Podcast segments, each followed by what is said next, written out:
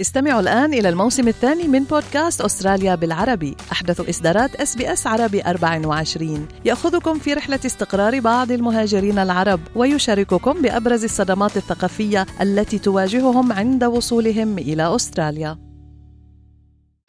أنتم برفقة إس بي إس عربي 24 اكتشفوا المزيد من القصص العظيمة على sbs.com.au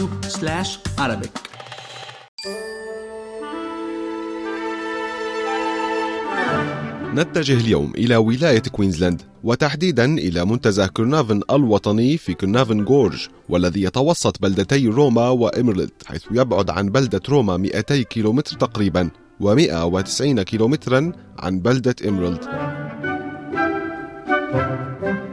كرنافن جورج هي واحة في قلب ولاية كوينزلاند وتقع على بعد 593 كيلومترا شمال غرب بريسبن. تشكل المنحدرات الشاهقة من الحجر الرملي الأبيض فيها ممرا خلابا شديد الانحدار مع ممرات جانبية ضيقة ذات ألوان نابضة بالحياة.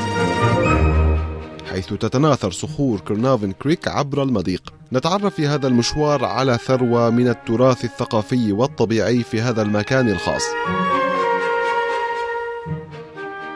يعتبر هذا المنتزه موطن لمجموعة كبيرة من النباتات والحيوانات البرية حيث نجد الغابات الاستوائية التي تحتوي على العديد من النباتات النادرة والأشجار الشاهقة والتي تجذب مجموعة متنوعة من الحيوانات بما في ذلك أكثر من 173 نوعا من الطيور.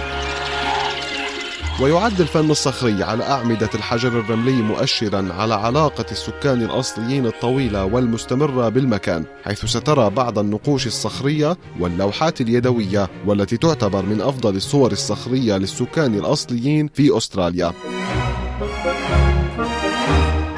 يوجد في هذه المنطقة الخلابة الكثير مما يمكن فعله فلا يوجد أجمل من قضاء يوم مع العائلة أو الأصدقاء في واحدة من أجمل المناطق الطبيعية في أستراليا.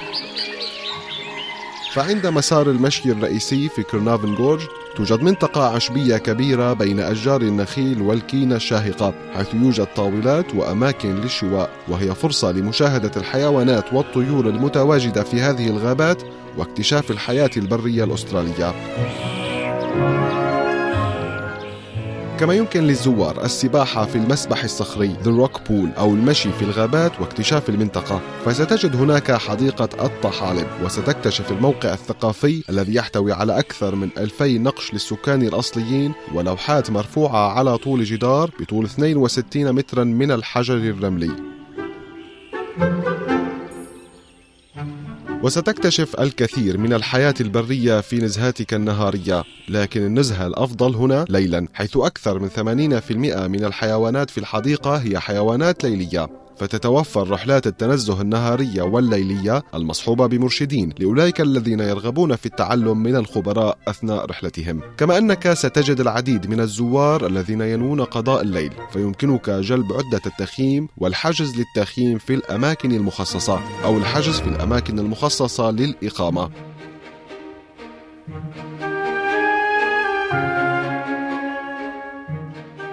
ينصح بجلب بعض الأساسيات عند الذهاب إلى كرنافن جورج مثل حقيبة إسعافات أولية موقد ووقود في حالة تخييم في المنطقة قبعة وواقي من الشمس ونظارات شمسية وبالتأكيد بعضا من الطعام وكمية كافية من الماء الصالحة للشرب وأقراص تنقية المياه لمعالجة المياه قبل الشرب في حالة التخييم أو المشي في الغابات وكما ينصح بارتداء الأحذية المناسبة. هناك الكثير من الطرق الأخرى لتجربة منتزه كرنافن الوطني فيمكنك التحليق فوق منحدرات الحجر الرملي مع إطلالات على توين سيسترز وثري سيسترز وول باك وتجد هذه الرحلة في هيلي سنترال تورز في بلدة إمرلد تتميز كرنافن جورج بدرجات الحرارة المرتفعة بالمجمل حيث تتجاوز أيام الصيف بشكل عام ال 35 درجة مئوية. فإذا كنت تنوي الزيارة في الصيف فيجب عليك الانطلاق للمشي في الصباح الباكر حيث يمكن أن يصبح الجو حارا جدا في وقت لاحق من اليوم. كما يمكن حدوث بعض العواصف الرعدية في بعض الأحيان. أما في الشتاء يمكن أن تكون الليالي باردة حيث تشهد انخفاض شديد في درجات الحرارة. زيارة هذه المنطقة هي فرصة كبيرة للتعرف على الحياة البرية الأسترالية وعلى ثقافة السكان الأصليين. لا تترددوا في حجز الإجازة القادمة لزيارة كرنافنغوش انتظرونا في منطقة جديدة ومشوار آخر. إلى اللقاء.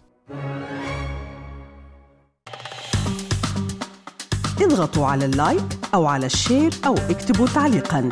تابعوا اس عربي 24 على الفيسبوك.